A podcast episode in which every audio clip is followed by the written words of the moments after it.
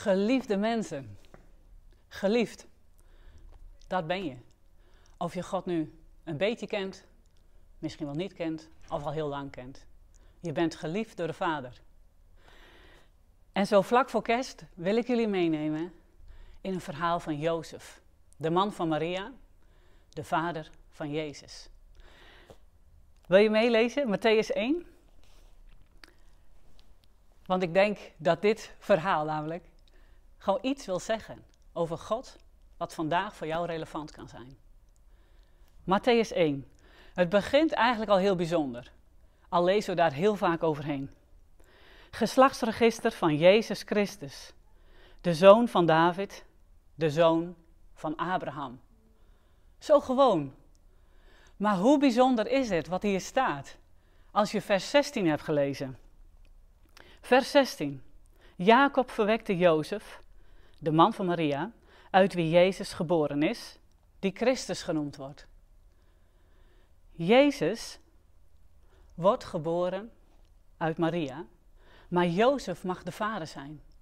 En Jozef is door dat hele geslachtsregister wat daarboven staat en wat mij vertelt dat God trouw is, de zoon van David, het koninklijke geslacht, en de zoon van Abraham, de zoon van de belofte.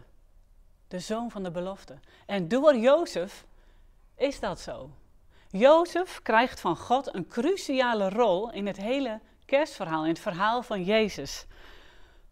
Ik ben dan benieuwd, wie is die Jozef? Wie is die Jozef? We gaan lezen, vers 18. De geboorte van Jezus Christus geschiedde al dus. En dat blijft al een beetje vreemd, vind ik. De schepper van hemel en aarde, hij die de schepping draagt, zegt de Hebreeën schrijver, wordt hier geboren. De eeuwige wordt geboren. Terwijl zijn moeder Maria ondertrouwd was met Jozef, bleek zij voordat zij gingen samenwonen zwanger uit de Heilige Geest. Ja, dat moet wel. De eeuwige kan niet geboren worden uit mensen. Die wordt geboren uit geest. En dan komt Jozef. Daar nu Jozef, haar man, rechtschapen was en haar niet in opspraak wilde brengen, was hij van zins in stilte van haar te scheiden. Toen die overweging bij hem opkwam. Zie enzovoort. Wat wordt hier van Jozef gezegd? Die man die die cruciale rol krijgt, waardoor Jezus geboren wordt in een gezin, in het koninklijke geslacht en uiteindelijk in Bethlehem geboren wordt. Zoveel profetieën vervuld worden. Wat wordt er over hem gezegd? Eigenlijk maar één woord. Hij is rechtschapen, rechtvaardig. Wat betekent dat? Rechtvaardig is dat hij een vroom man is. Dat hij echt oprecht van binnen de wil van God wil doen. Hij verlangt ernaar om Gods wil te doen in zijn leven. En dat zien we ook in dit stukje. Zodra. Um, hij wilde haar niet in, zodra hij dat wist, wilde hij haar niet in opspraak brengen. En hij was van zins in stilte van haar te scheiden. Hij in gedachten, hij overweegde van alles in zijn hoofd. Dacht hij met alles wat hij bedacht: hoe kan ik dit goed doen? Ik ga in stilte van haar scheiden. Ik ga haar niet in opspraak brengen. Deze Maria, van wie ik zoveel hou, maar nu helemaal niks begrijp, ik ga haar niet ten schande brengen. Ik zal in stilte van haar scheiden. Ik ga mij opofferen dat ze kwaad zullen spreken van mij en niet van Maria. Dat ga ik doen. Ik vind dat bijzonder. We lezen nergens over de reactie van Jozef. Wat maak je me nou? Ik dacht dat wij een vertrouwensrelatie hadden. Wat zit je me hier te belazeren? Weet je wat? De doodstraf kun je krijgen. Leviticus 20, vers 10. De overspeler en de overspeelster, ze zullen gedood worden. Dat mag er met jou gebeuren, Maria. Niks. Helemaal niks daarover. Hij wil in stilte van haar scheiden en zichzelf voor haar opofferen.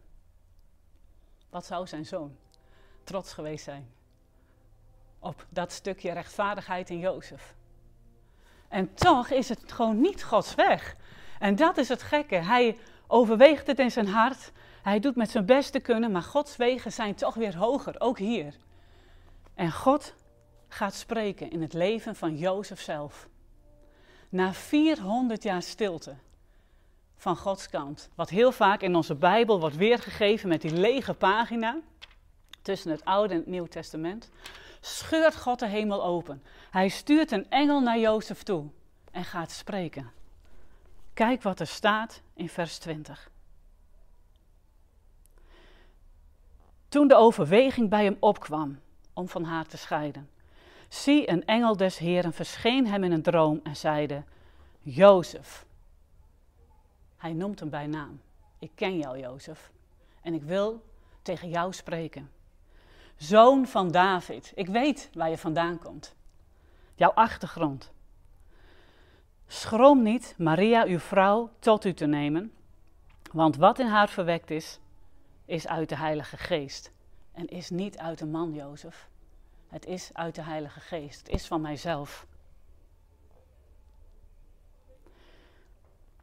Zij zal een zoon baren en gij zult hem de naam Jezus geven. Ik vind het zo liefdevol. Hij zegt gewoon: God, laat door deze engel deze boodschappen weten. Jozef, zij zal zwanger worden. Zij zal een zoon baren. En jij zult hem de naam Jezus geven. En daarmee geeft God hem ook heel duidelijk gewoon een taak. Dat is haar taak en dit is jouw taak, Jozef. En daarmee wordt Jezus ook de wettelijke vader van Jezus. Want hij is het die zijn volk zal redden van hun zonden.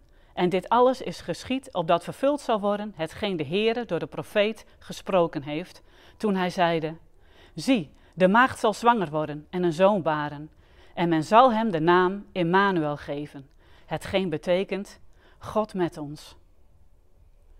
Alsof God nog even een toetje toe wil voegen. Van Jozef, weet je wat er speelt onder het volk, die verwachting die er is, en wat jij op de synagogeschool vroeger geleerd hebt?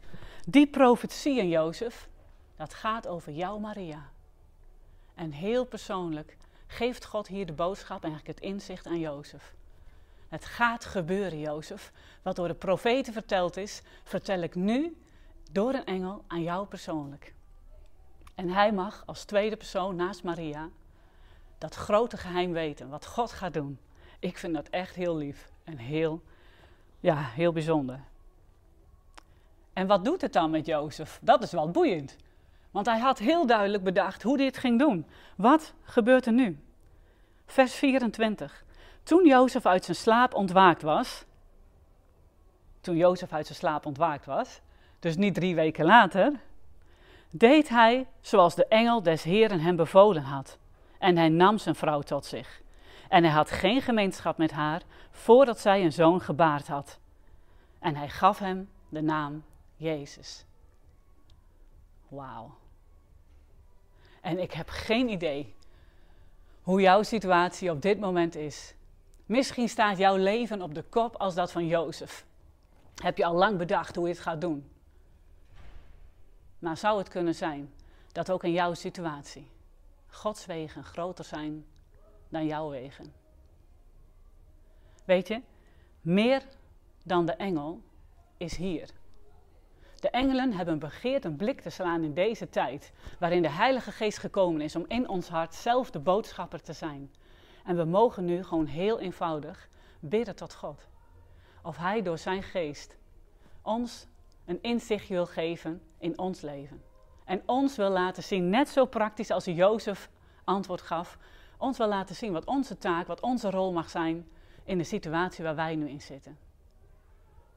Ik nodig je uit om na deze parel gewoon eenvoudig in gebed te gaan en te vragen aan God: Heer, wilt u mij de ogen openen? En Heilige Geest, wilt u mij ook de moed van Jozef geven om te handelen zoals hij handelde? Niet over drie weken, maar nu. Ik wens je een hele fijne kerst. Een gezegende kerst met Jezus. Immanuel, God met ons.